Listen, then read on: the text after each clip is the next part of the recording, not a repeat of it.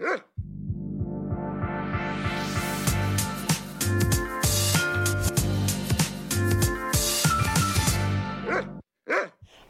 og velkommen til den første episoden av fjerde sesong av Hundorama.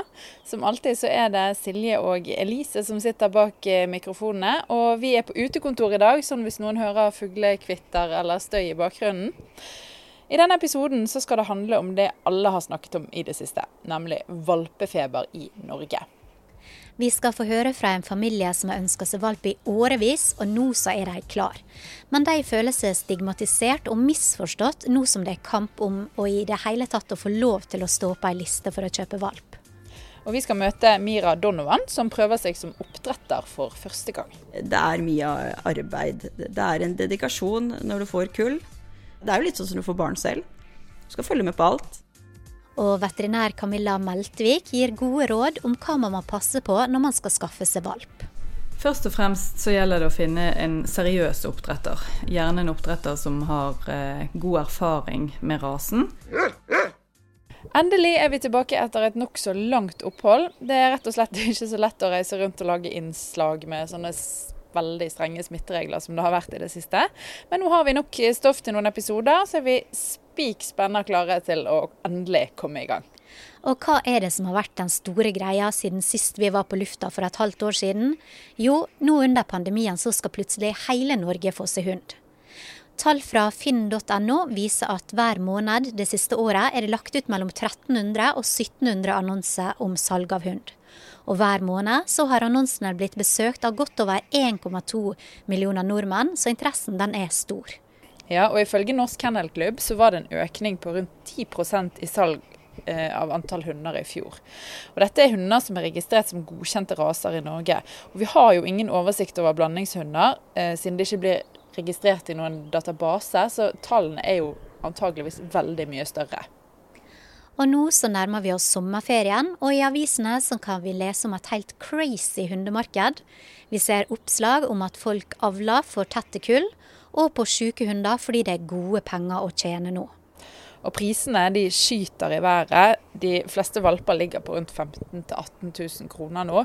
Men det finnes òg en del hunder som selges for helt opp mot 30 000 kroner. Og jeg vet ikke om du så den Finn-annonsen, men det var noen franske bulldogger som ble solgt for 85 000. Ja, jeg så det. Helt vilt. Men det viser jo at folk er villige til å betale og desperat etter å sikre seg en valp.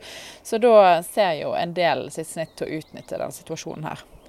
Og en annen ting som skjer, det er jo at det er mange som får seg hund for aller første gang i sitt liv. Og med hjemmekontor og ikke så mange ting å gjøre på, så får jo valpene eierne sin full oppmerksomhet. Men spørsmålet er jo da, hva er det som skjer når samfunnet åpner opp igjen? Det er mange som spår ei omplasseringsbølge, eh, for det er ikke bare bare å ha hund. Nei, det kan jeg skrive under på. Det er helt vilt masse arbeid. Men eh, vi skal jo selvfølgelig ikke sette alle hundeeiere i samme bås, for dette er jo en sammensatt gruppe. Og vi har fått en mail fra en familie som rett og slett er helt fortvilet. De føler at de stigmatiseres fordi de er på jakt etter valp akkurat nå. Ehm, og de går inn i dette her med fullstendig åpne øyne. Nå skal jeg lese opp litt fra mailen, og det er en lang mail, så jeg leser bare noen utdrag eh, fra den. Og familien den vil helst ikke at vi skal nevne navnet deres i podkasten, så da gjør vi selvfølgelig ikke det. Den starter sånn. Her kommer et lite hjertesukk fra en ikke-hundeeier. De siste ti åra har vi ønska oss hund. Når vi diskuterte det for over ti år siden, så ble det veid for og imot, og noen av argumentene vi hadde den gangen, det var at vi ønska å komme i havn med en rekke andre ting i livet før vi forplikta oss til å ha hund. De siste ti åra har vi lagt ned en del brikker på plass som vi mente var viktige for oss. Slike ting som jobb, økonomi og hus. Og vi fikk barn. Alltid har vi hatt i tankene at ett sted der framme så skal familien få en hund. Og i 2019 var det året som passa oss. Men så ble 2019 til 2020, og 2020 ble jo det året hvor alt stengte ned. Og i motsetning til mange andre, så la vi da hundeplanene på is. Men nå så har vi klart å innfinne oss med en ny hverdag, og vi har varma opp igjen disse hundeplanene. Forskjellen nå det er at vi må stå i kø, og vi føler på mange måter at vi er omringa av andre valpekjøpere, og negative medieomtaler og en hel del nye ting som vi må ta hensyn til. Og nå kjenner vi såpass eh, mye på frustrasjonen at gleden vi har hatt de siste åra, er på vei til å forsvinne. Og det er leit. Eh, for vår del så er ikke dette noe som vi brått har funnet på fordi vi kjeder oss pga. hjemmekontor, men vi blir bedømt og lagt i samme bunke som de som spontant ønsker seg hund. Og hvordan kan man komme inn i et miljø og få opparbeide seg tillit hos en oppdretter og i hundemiljøet, når man havner i bunken over så mange andre som også ønsker å komme i kontakt? Man ringer, men man får ikke svar. Man sender e-post og får heller ikke noe svar. Jeg forstår at det er vanskelig å skille klinten fra hveten, men vi er ikke disse som spontant kjøper pga. korona. Vi har planlagt og satt oss inn i dette. Så hva gjør vi nå? Vi vil ikke gi opp drømmen om å bli hundeeiere, men følelsen av å bli stigmatisert ligger og ulmer til tross for at vår beslutning er veloverveid og dette ikke er noe spontant. Skal vi sette oss tilbake på gjerdet uten å ta opp kampen? Eller bør vi vente til alle som har spontant kjøpt seg valp, eh, og den kommer i tenåra, og så prøver de desperat å omplassere? Men da er jo sjansen eh, på å ta over en hund uten trygghet i oppdretter og hundemiljøet kanskje et problem. Så da spør jeg hva ville dere gjort? Og da Elisa, så sender ballen over til deg etter denne lange mailen. Hva skal vi råde denne familien til å gjøre?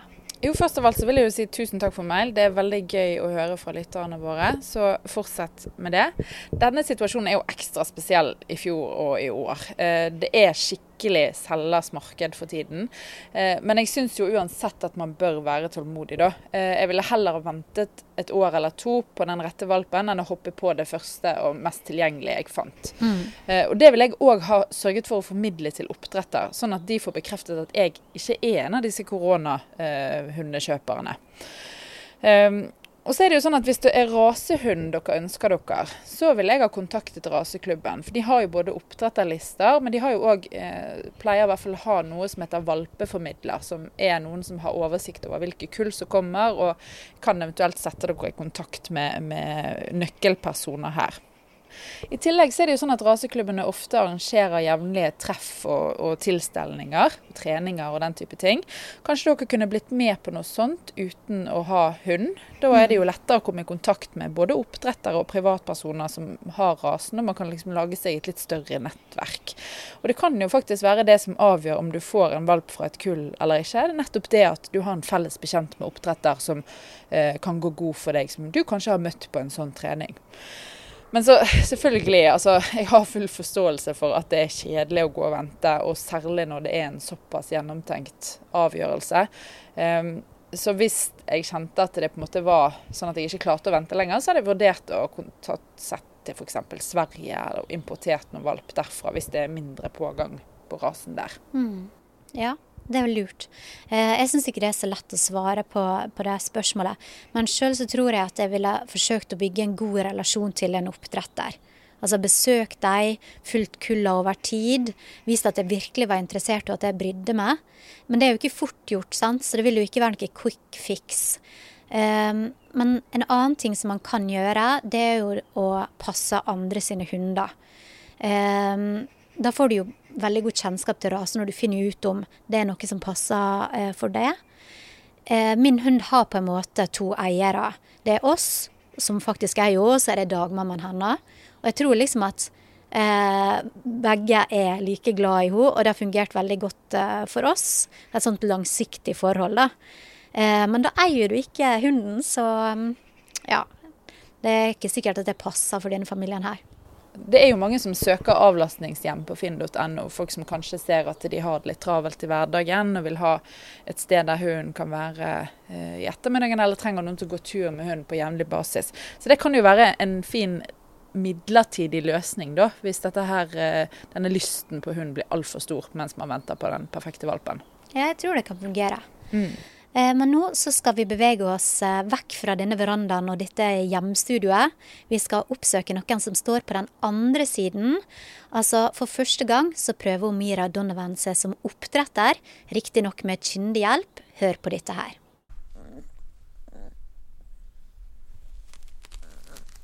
Kan dere høre de søte valpelydene?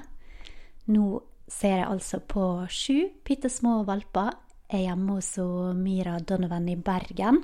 I en enebolig der hun har gjort om et rom til Hva skal vi kalle det, Mira? Det er rett og slett et uh, valperom. En uh, liten uh, Ja, et, et, helt rom, da. dedikert til dette kullet. Og hvem er det vi ser på? Fortell oss om valpene. Nå ser vi på syv Forster-valper, strihåret. Og det er da lille Astrid, Frans Ferdinand og Frida, Jonas, Pernille, Milla og Nils. Og de er da brune, mørkebrune, skimlet og helbrune valper. Hvor gamle har de blitt nå? De blir fem uker på onsdag. Så nå begynner de å komme inn i en periode som er eh, litt mer festlig enn det de har vært til nå.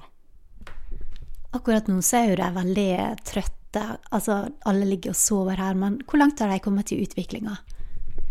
Nå er de kommet uh, såpass langt at uh, de tar inn inntrykk. De hører og ser. Uh, de uh, blir glad når de hører kjente stemmer.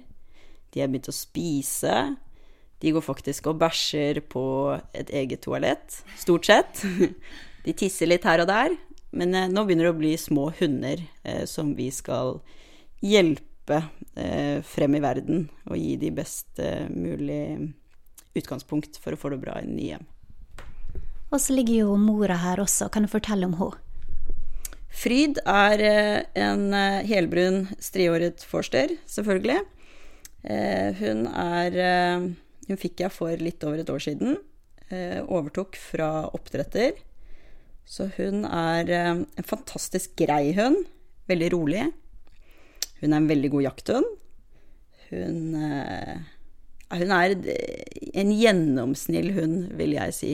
Eh, et veldig godt utgangspunkt for avl. Eh, og hun har alle de kriteriene som stilles til en striåret forster og avl. Hvilket nummer i rekka er et kullet for hennes del? Dette er førstegangsfødende mor, så det var jo nytt for henne. Men eh, hun tok det ganske bra. Det var, hun syntes det var litt ekkelt å føde, som vi alle gjør når vi føder førstemann. Det er kanskje like ekkelt hver gang, men Nei, hun tok det veldig bra. Eh, de tar det stort sett bra så lenge de får ro.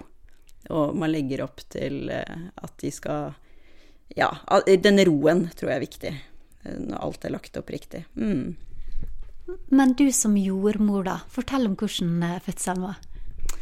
Fødselen var Heldigvis så hadde jeg med meg oppdretter. Hun er veterinær og har gjort dette mange ganger før, så vi satt nå her på rommet. Jeg følte meg litt som en doa. Er det det det heter? Er det det? Ja. En sånn som uh, hjelper til.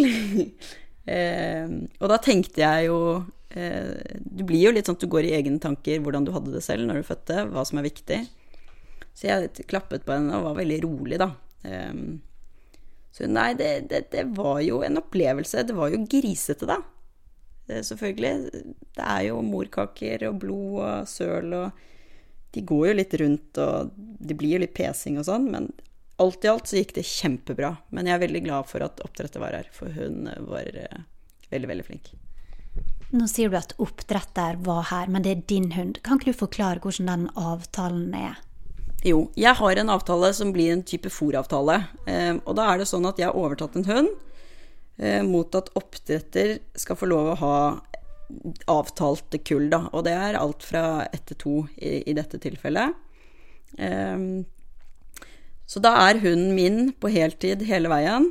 Eh, vi har valgt å lage en løsning der jeg beholder hunden mens den har kullene, mens andre avtaler eh, da tar oppdretter tilbake eh, hundene sine og har kullene hjemme. Så da henter de de ofte to uker før fødsel, og så har de de til de valpene en åtte-ti uker. Så det, det er ikke tilfellet her. Jeg har veldig godt samarbeid med oppdretterne. Eh, så de kommer innom og hjelper til, og, og er utrolig greie. Eh, så dette er en løsning som funker for oss. Altså Nå er det jo ikke bare slik at man eh, tar imot valpene, passer på dem i noen uker, og så skal de ut i den store verden. Kan ikke du fortelle hva oppgave du har når du er oppdretter sånn som du er nå? Jo, for vår del så er det en brukshund, og den må inneha de egenskapene som brukshunden skal ha. Og fuglehunden Eh, må jo ha rønkes. Det kommer jo litt videre på det veterinærfaglige, men for oss som skal få de godkjent, så er det dette som må være i boks. Og så er det jaktprøver. De skal tilfredsstille et visst nivå, og helst selvfølgelig best. Eh, så er det utstillingskrav. Og så er det jo videre å planlegge hvilken hannhund som er riktig for denne tispen. Sånn at du vil ha egenskaper som kanskje tispen mangler, eller ikke eh, har like høyt av. F.eks. Eh, den løper ikke stort nok. Eh, i terrenget du ønsker en som løper større, for å få frem bedre kvaliteter, f.eks. Og det er spesielt da når, siden du driver med jakt? Ja, det er jo forskjell på rasene. Sant? Noen har ikke disse brukskravene. Eh, så det er veldig forskjellig, da, eh, hvordan kravene er. Men på fuglehunder og brukshunder så er det stort sett et, et sånn type krav, ja. Mm. Nå våkner de her. Eh, merker du at eh, de har litt forskjellig linne? Hvordan er disse valpene? Jeg har jo aldri hatt kull før, men jeg syns de virker veldig jevne. Det er jo selvfølgelig noen som, som eh, er litt eh, annerledes eller oppfører seg litt mer festlig. Jeg har den ene i kullet som heter Frida. Hun er eh, en utbryterkonge. Hun er alltid på. Eh, synes det er kjempespennende å gå på gulvet utenfor dette valperommet og, og er veldig sånn utforskende type, da. Men sånn jevnt over så er disse veldig like, både i størrelse og eh, de virker veldig trygge, hele gjengen. Nå har jo du snakka en del om forberedelser før paringa, men etter valpene har kommet, da, hva er det du må gjøre, hva innebærer det? Det var jo nytt for meg, men eh, det viktigste er jo at det er rent eh, og praktisk. Eh, det er jo en del rengjøring, i hvert fall nå. De første tre ukene er det stille og rolig. Jeg har valgt en løsning som går på disse her padsene. Det er jo forskjellige løsninger folk velger. Men det er veldig hygienisk, synes jeg. Urinen trekkes inn, og jeg bretter de sammen og kaster de. For dem som har hatt eh, baby, så ligner det på sånn her Libro-matte som ligger utover gulvet her. Det er helt riktig. Eh, og så har jeg valgt å bruke noe som heter wetbed.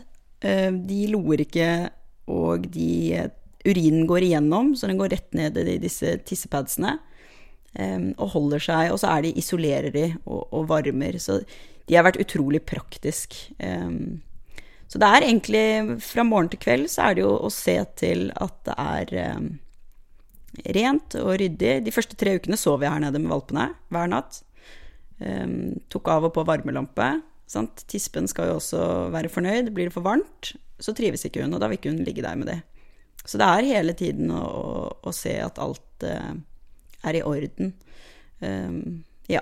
Og nå er det jo mer rengjøring, og selvfølgelig mye mer miljøtrening. Passe på at de tåler håndtering, klipper klør. Det har vi gjort siden første uken.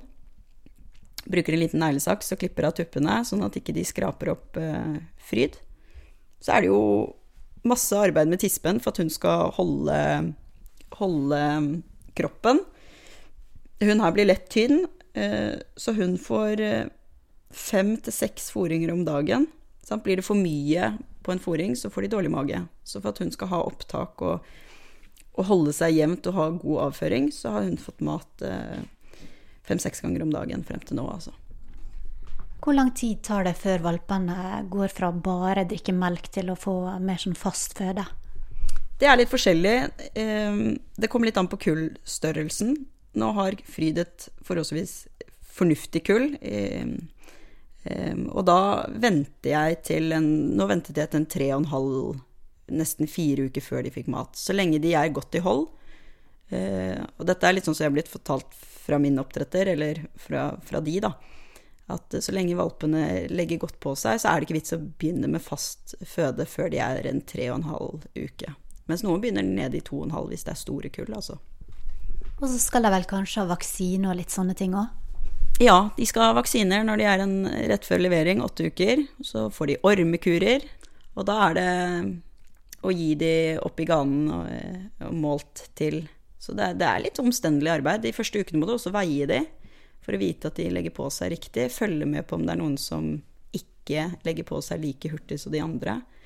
og tildele de gjerne en av de større pattene bak, f.eks. Så det er, det er, jo litt sånn følge med. Det er jo litt sånn som du får barn selv. Du skal følge med på alt. Jeg syns når det høres ganske travelt ut, er det det? Ja, det er, det er mye arbeid. Det er en dedikasjon når du får kull. Eh, det er fra morgen til kveld. Eh, så det er liksom en livsstil, sånn som det blir for oss, da. Nå er både jeg og Henrik, min mann, eh, veldig interessert, så det blir jo at vi titter ned hodet eh, flere ganger om dagen eh, og sitter her nede opptil flere timer. Så det er helt klart mye arbeid med valpekull. Hvem er det som skal få kjøpe disse valpene, da? Det er uh, i utgangspunktet jaktinteresserte friluftsmennesker nå er det oppdretter som velger disse. Jeg får selvfølgelig lov å være med og si noe, men dette kan de, og jeg stoler på de. Um, og jeg har selvfølgelig vært inne og, og sjekket de som, som, skal få de. Og dette er jo aktive hunder som krever både fysisk trening, men også en del hodebry. Um, og en veldig aktiv livsstil i utgangspunktet. Det er jo en sær rase på mange måter, man vet hva man vil ha når man kjøper seg striåret forstell.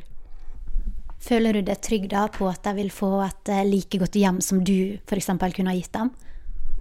Ja, eh, det, det gjør jeg jo. Ehm, det, og det må man jo stole på, at eh, de som kjøper, er kjekke og greie mennesker. Helt klart. Nå er vi jo inne i en veldig spesiell periode. Vi må jo kanskje kunne si at det er valpefeber i Norge. Det er utrolig mange som har lyst på valp. Hva tenker du om den avlen som skjer nå? Nei, altså jeg tenker at uh, man må vite hva man eh, holder på med i utgangspunktet, og at, uh, at uh, man må være litt kritisk til de som kjøper, stille de riktige spørsmålene, så man vet at man plasserer riktig type hund til familie. Det er veldig lett å synes at en en eh, rase er søt, men den kommer gjerne innpakket i diverse egenskaper og, og instinkter. Og det er veldig dumt eh, å kjøpe f.eks. en jakthund hvis ikke man har tenkt å bruke den aktivt. For da, da kan man få seg litt sånn kalde overraskelser på veien. Eh, at de dreper naboens katt, eller Det er liksom dette å kjøpe seg en hund som er tilpasset sin livsstil, det er utrolig viktig. For hvis ikke så blir man gjerne litt eh, skuffet, for det blir ikke det man tenkte. Så det, det, tenker jeg er viktig. Har du noen råd hvis det er noen der ute som har lyst til å prøve seg som eh, oppdretter? Hvordan starter man? For det første så må man ha et individ som man tenker man ønsker seg igjen. Eh, det individet må være unikt i forhold til, eh, til temperament. Det må også være friskt, spør du meg. Jeg har hatt syke hunder både med allergi og jeg tenker at man avler ikke på individer man ikke har lyst å, å, ha igjen. Altså sånn Jeg har ikke lyst på en hund som er syk. Eh, så er det jo de egenskapene som kreves i forhold til godkjenning av paring, hvis man gjør det på den måten. At de har vært på de prøvene og utstillingene de skal. Utstilling er jo ikke bare for at de er fine. Det er jo også noe med egenskapene og anatomien Ehm, vi sliter med f.eks. steile fronter på vil Si at de er veldig rett foran. Eh, og får, eh, kan få belastningsskader eh, hvis de er for steil foran. Ehm, så at de har riktige vinkler, ehm, og at de holder rasepreget sitt. Sant? Forsteren skal jo ha barter og stri pels, og, og, og være muskuløse og tåle mye trøkk. Så da er det jo det man har lyst til å få når man kjøper en striåret forster f.eks. Valpene de ligger nå oppå eh, pelsen sin her og er utrolig fine og veldig rolige. Hvordan skal dere bruke nå de siste ukene før de blir henta av de nye eierne? Nei, nå må jeg legge opp til um, alt jeg tenker skal gjøre det lett for ny eier å få det i hus, og det er jo sosialisering med mennesker. Sant? De skal være trygge på mye forskjellige mennesker. Nå er vi så heldige at jeg har barn, så de får mye sosial omgang med barn. Så har jeg mor med rullator, så de er på en måte avvent rullator og voksne, eller kall det gamle damer, det er jo ikke lov å si det. Eh, og så passer jeg på at vi har litt besøk. Jeg er streng, de får ikke komme når de sover, men de, de som kommer, kommer to og tre. Eh, og helst forskjellige typer mennesker. Det er viktig. Eh, så skal jo de eh, kjøre bil. Jeg kommer til å ha de med en del. De skal til veterinæren, tenker jeg, utenom det egentlige veterinærbesøket. Rett og slett få være inne et nytt sted. De skal få egen hageflekk. De skal være en del ute. Og så tenker jeg rutinene er veldig viktig. Nå, nå, har vi begynt å fòre de, så nå er det foringsrutiner. Eh, etter foringsrutinene, nå når de blir litt større og været blir litt bedre, så skal de ut rett etterpå, sånn at de lærer seg å gå ut på do. Jeg tenker jo det er veldig greit med en valp som nesten er husren når den kommer til nye eier. Eh, så skal de lære å bli håndtert. Eh, jeg har en plan om at siste uken så skal én og én opp i huset. Altså, de er jo i huset, men opp i familien hele dagen, mer eller mindre. Sånn at de har vært alene nesten en hel dag uten resten av kullet sitt. Så Men man må se det litt an, og når det passer for hver og enkelt valp, da. Blir ikke det trist når de drar, da? Jo, jeg tror jo det, men alle oppdrettere, sånn når du snakker med folk, så sier de det er veldig deilig å bli kvitt dem, for da er de jo klin gærne åtte uker. Så, men jo da, jeg tror ungene kommer til å synes det er trist, og selvfølgelig kommer jeg også til å synes det er trist. Men jeg kommer til å ha god kontakt, tror jeg, med med valpekjøperne. Vi har jo en egen side på Facebook, så de får oppdateringer hver dag på alt jeg gjør. Så det er jo blitt en liten familie, da. Så det er veldig koselig. Så de, de følger med, og ja, vi har ganske god kontroll. Det høres jo veldig koselig ut, fordi da kan jo du følge dem i framtida også. Jeg har bare lyst til å si tusen takk for at vi fikk komme og se på dem. Helt nydelig, altså. Og så må dere ha masse lykke til den siste tida. Tusen hjertelig. Det var veldig kjekt at uh, du kom.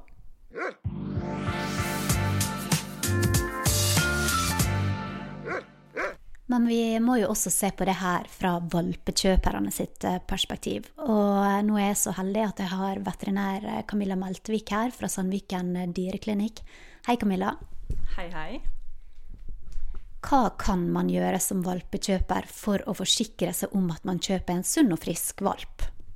Først og fremst så gjelder det å finne en seriøs oppdretter. Gjerne en oppdretter som har eh, god erfaring med rasen den bør være, Hvis det er en rasehund, så bør oppdretter være registrert i NKK. Og man bør da aldri kjøpe en hund uten en stamtavle og en helseattest fra veterinær, som skal være relativt ny av dato. Det er egentlig førstepri. Eh, og så er det selvfølgelig når man da eh, Da har jo veterinæren besiktiget valpen, men man bør jo også titte på valpen, helst med litt kritiske øyne, selv om det kan være vanskelig når man møter dem for å hente dem. Eh, og se på hele valpen hvordan den beveger seg, hvordan haleføringen er. Se at den eh, ser fin ut i holdet, at ikke den er voldsomt tykk eller undervektig. Eh, og så begynner man egentlig fra snuten og går bakover. Se at først at valpen er trygg og fin. Man bør se at ikke det er noe puss rundt neseborene, at ikke den har noe væske fra, fra øynene. At eh, det er klare, fine øyne, at ikke det er masse eh, rusk i ørene. Se at øregangene er rene og, og rolige, ikke røde og irritert. Eh, titte på både mm, kjønnsorganer hos hannhund og hos tispe. Se at ikke det er noe utflod fra, hvis det er en tispe, fra vulva. Se at begge testiklene kom på plass der de skal være i skrotum. Og ja, kjenne etter og se at ikke det er noe navlebrokk, som er en liten sånn eh, åpning der hvor navl, navlestrengen har vært. At den har lukket seg fint. Og se, ja, kontrollere at man har et friskt individ så langt man kan, da. Det høres jo litt sånn omfattende ut, spesielt hvis du ikke har hatt hund før og gjør disse tingene sjøl. Bør man ta med seg en kyndig person da, kanskje? Ofte så kan det jo være lurt hvis man er førstegangs eh, hundeeier, så kan det være lurt også å ha eh, i hvert fall ha diskutert det med en kyndig person, og gjerne en veterinær, eh, sånn at man får litt gode råd. Men i utgangspunktet så er jo veterinærattesten det aller viktigste. Da har jo en fagperson vurdert valpen fra ende til annen, og også foretatt eh, auskultasjon, at man har lyttet på hjerte og lunger, og at man får på en måte et litt sånn kvalitetsstempel på at valpen er frisk, da, at ikke han plutselig har et voldsomt underbitt eller noe sånt som man kanskje ikke legger merke til selv ved første gang man titter på den. Du nevnte jo den stamtavla. Hva informasjon er det man får der? Der får man jo informasjon om eh, foreldredyrene og foreldredyrenes eh, genetikk, kan man si, da. Eller eh, hvilke eh, linjer de er avlet på. Og så kan man jo da gå inn i dogweb og kontrollere f.eks. hos litt større raser, sånn som dette, så er jo HD- og AD-røntging eh, en del av det som eh, er satt som kriterier for avl, at de skal være fri for det. Og da kan man jo gå inn og se på, på stamtavlen til hunden og følge det bakover i besteforeldre- og oldeforeldreleddene også, og se at det har vært friske hunder avlet på hele veien, f.eks. Nå er det jo vanlig å hente hunder etter åtte uker, slik som jeg har forstått det. Kan du egentlig da si noe om lynnet til den valpen som du har plukka ut? Jeg tenker at Det er viktig å ha en god dialog med oppdretter der. For det er tross alt oppdretter som har hatt ansvaret for valpen helt siden den var født. Og, så, og da, hvis man da velger en seriøs oppdretter, så vil det være en oppdretter som bruker mye tid på å observere valpene. Og da bør den oppdretteren kunne ha fått et ganske godt inntrykk på hvordan den aktuelle valpen er. Så det er klart at noe inntrykk vil du få ved henting også. Du kan se om valpen er veldig freidig og kommer løpende som først i rekken. Men det kan igjen komme helt an på. Kanskje den har våknet litt før de andre og var litt kvikkere, mens den som egentlig er mest kvikk, den har akkurat sovet og er litt sånn groggy for å komme seg på beina. Så egentlig det beste er jo om du har kontinuerlig dialog med oppdretter som faktisk ser valpene mange, mange timer hver dag. Det er jo et stort dilemma det her om man skal gå for en uh, tispe eller en hannhund.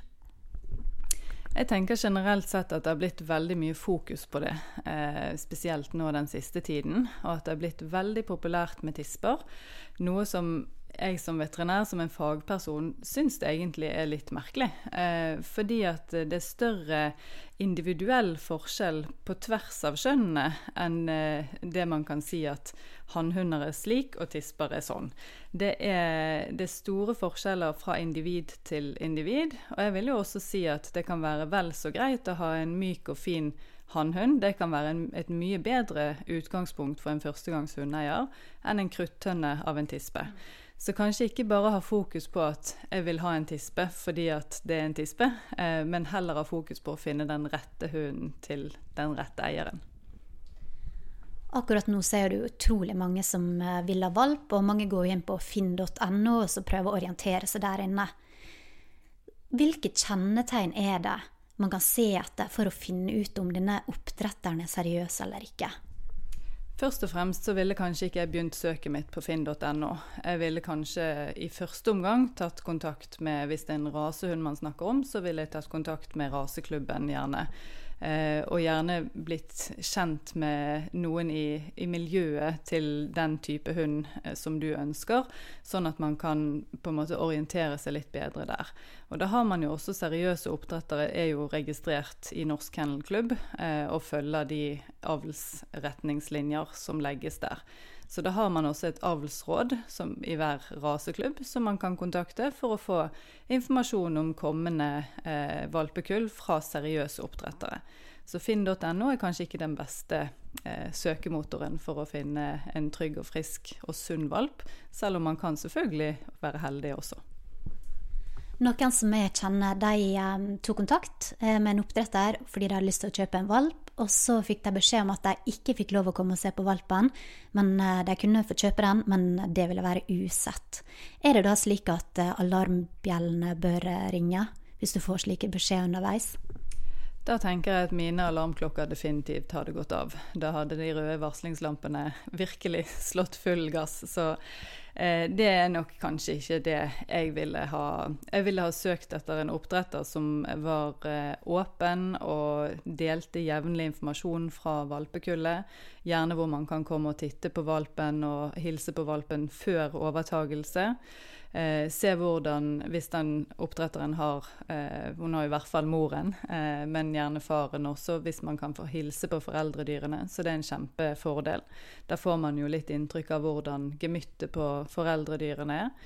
Og gemyttet til tispen er jo ekstremt viktig. De preger jo valpene sine masse i de første åtte ukene av levetiden. Så har man en veldig nervøs tispe, så er det klart at da kan man heller ikke bli veldig overrasket hvis valpene blir sky og trekker seg vekk. Så f.eks. sånn som Fryd, som nå ligger som et lite slakt rett ved siden av meg her. Hun er overhodet ikke nervøs. Trygg og god hund. Det tenker jeg er noe som en valpekjøper bør se etter. For det er klart at hvis man besøker valpene tidlig i livet deres, så er det vanskelig for en eh, nybegynner eh, valpekjøper eh, å se så veldig mye ut av hvordan valpene oppfører seg f.eks. ved ved fire-fem uker, for de sover så mye. Men du kan få veldig mye informasjon ut fra tispen. da. Nå Den siste tida så har vi også sett at det prisen på valper skutt i været. Det har vært eksempler på valper som har blitt priset til 85 000 kroner. En helt vill pris, spør du meg. Hva skal man tenke om pris? Hva bør man være villig å betale for en hund? Altså det er jo dessverre sånn at når man ser Altså når enkelte ser at det er mulig å gjøre veldig mye penger på, på avl, så er det mange som hiver seg på den bølgen. Og nå spesielt under koronapandemien så har etterspørselen vært stor. Og da er det markedet som bestemmer, og prisen har blitt drevet opp til vanvittige høyder.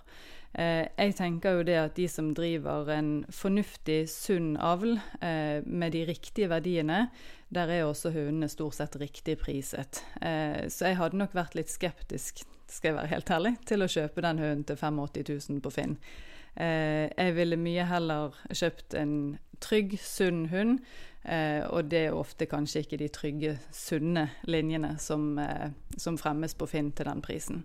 Det er ofte blandingsraser. Det er ofte raser som har eh, helsemessige problemer, som veldig kortsnutete raser. Så de har blitt veldig eh, ettertraktet, dessverre. For det er ikke en sunn avl. Men det finnes også anbefalte priser, gjør ikke det?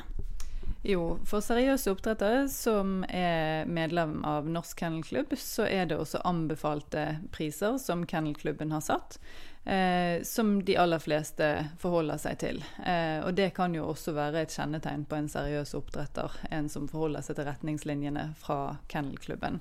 Eh, og det, altså, jeg vil jo si at det er helt legitimt om det, det, ligger litt over eller litt under. Det er ikke sånn at de trenger å være spot on. Eh, men for det er klart at utgiftsforholdet vil være noe endret fra oppdretter til oppdretter.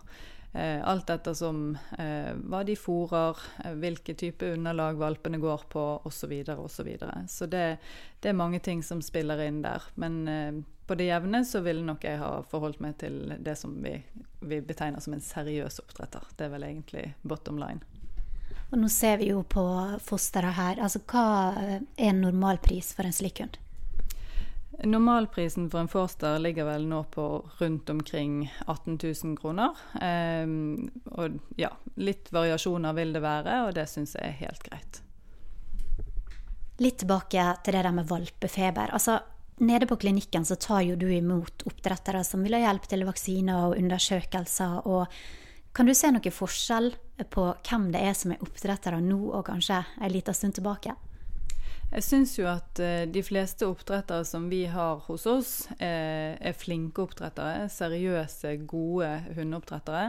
Eh, for det som er viktig, er jo at de har kunnskap om rasen. Og de bør også ha, om ikke de har kunnskapen selv, så bør de ha hjelp til en del eh, genetikkunnskap, sånn at man kan gjøre de riktige kombinasjonene. For det er faktisk sånn at eh, hund er jo den eh, dyrearten med flest genetiske sykdommer. Og det er jo nettopp fordi at det er uh, ufaglærte, eller uh, ikke alltid like kyndige mennesker som driver avl. For det er ingen kriterier for å være uh, oppdretter. Det er egentlig mange som kaller seg Det er ikke på en måte en vernet tittel, eh, så det er vanskelig å skille mellom de som faktisk er veldig flinke, eh, og de som ikke er fullt så gode. Eh, så derfor så, For det, du kan egentlig ha to naboer som har to hunder de syns er søte, og så kaller de seg oppdretter fordi at de har fått valper. Men det, men det, å være oppdretter og det å være en god oppdretter, det er det stor forskjell på. og Det vil man også se på resultatet og på, på hvor sunne og friske valpene vil være over tid. Man skal også tenke generasjoner fremover, så ikke bare at du har ett individ som du syns er veldig bra. Det bør faktisk være en del dokumentasjon på at det individet er bra, før man skal avle videre på. Det er jo masse avisskriving nå om uetisk avl og valper som ikke er slik som eh, de burde være. Har du sett eksempel på det? vi ser dessverre eksempler på det også, ja. Eh, og da er det jo sånn at når vi først ser de, så er jo valpene allerede født, ofte. Um, så, så, da gjelder jo det da å prøve å komme med god informasjon uh, og riktig informasjon, sånn at man kan hjelpe på vei så godt som overhodet mulig. Uh, og gjerne forebygge at dette skal skje igjen, da. Uh, så vi ser jo det spesielt nå under koronapandemien, så er det en stor utfordring. Fordi at det er mange som dessverre ser økonomi i dette, og som avler på hunder som ikke burde avles på. Hvor mange kull bør en hund eh, som Frida da f.eks. få i løpet av et liv? Det kommer jo veldig an på helsen til individet. Sånn som Fryd er jo veldig frisk og fin eh, og har hatt bare ett kull nå. Eh, og så er jo det forskjell fra rase til rase. Noe, altså, veldig store raser blir jo ikke fullt så gamle. så ja, det, det, er stor forskjell. Man må egentlig tilpasse det til tispen og til individet. Men på generelt grunnlag så vil jeg si at eh, to kull ofte er tilstrekkelig. Eh, og noen ras, hos noen raser så kan man fint ha tre kull uten problem. Eh, det hadde nok ikke vært et problem for Fryd heller med tre kull. Eh, men eh, opp mot fire og fem så syns jeg at det begynner å bli veldig mye for den tispen. Det syns ikke jeg er greit. Ja, så har kanskje alder litt å si? Alder har absolutt veldig mye å si. Hos noen raser så er det lagt retningslinjer på at man ikke skal avle på de før en bestemt alder, f.eks. tre år hos enkelte. Og det har med at eh, de rasene gjerne har en del helseutfordringer, sånn at man ønsker å ha hatt foreldredyrene en stund for å kunne se og dokumentere at ikke de har eh, de sykdommene som man prøver å avle bort ifra. Eh, og de har jo også ofte flere avlsundersøkelser som må gjennomføres før man kan avle på de. Så kommer det an på hvor godt tispen henter seg inn igjen etter hvert kull.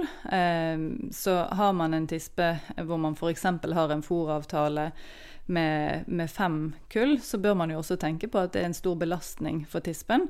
Så det er ikke sikkert at man har så veldig mye hund igjen etter femte kullet. Eh, så, og også hvor gammel tispen blir mot slutten av, av, avlsperioden. Det er jo på generelt grunnlag ikke anbefalt å avle på de etter eh, syv år.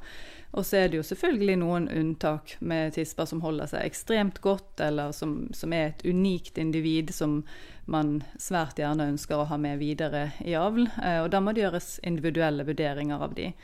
Um, men på generelt grunnlag så, så, tenker de fleste at rundt en to-tre kull er OK for en tispe. Nå har vi jo fått utrolig mye informasjon og veldig mange råd. Hvis du skal oppsummere helt kort, hva er det viktigste man må gjøre som valpekjøper når man skal velge oppdrett for å få en sunn og frisk valp? Det viktigste er vel å gjøre god eh, research først. Eh, sette seg godt inn i rasen selv. Eh, sørge for at man kjøper fra en, en, seriøs oppdretter. Sørge for at den oppdretteren også da leverer valpen med en veterinærattest og følge valpens utvikling gjennom eh, valpeperioden så godt som mulig. Så er det jo litt sånn når man kjøper valp. det er man kan vite veldig mye om eh, altså Som andre ting. Man kan vite mye om hesten, hvilken bane han skal springe på, og hvilke kusk du har osv. Men hesten kan likevel tape. Så det er på en måte ikke garantert suksess. Men du kan i hvert fall gjøre dine forhåndsundersøkelser, tenker jeg. Tusen takk, Camilla, for at eh, du ville dele med oss. Tusen takk for at jeg fikk komme.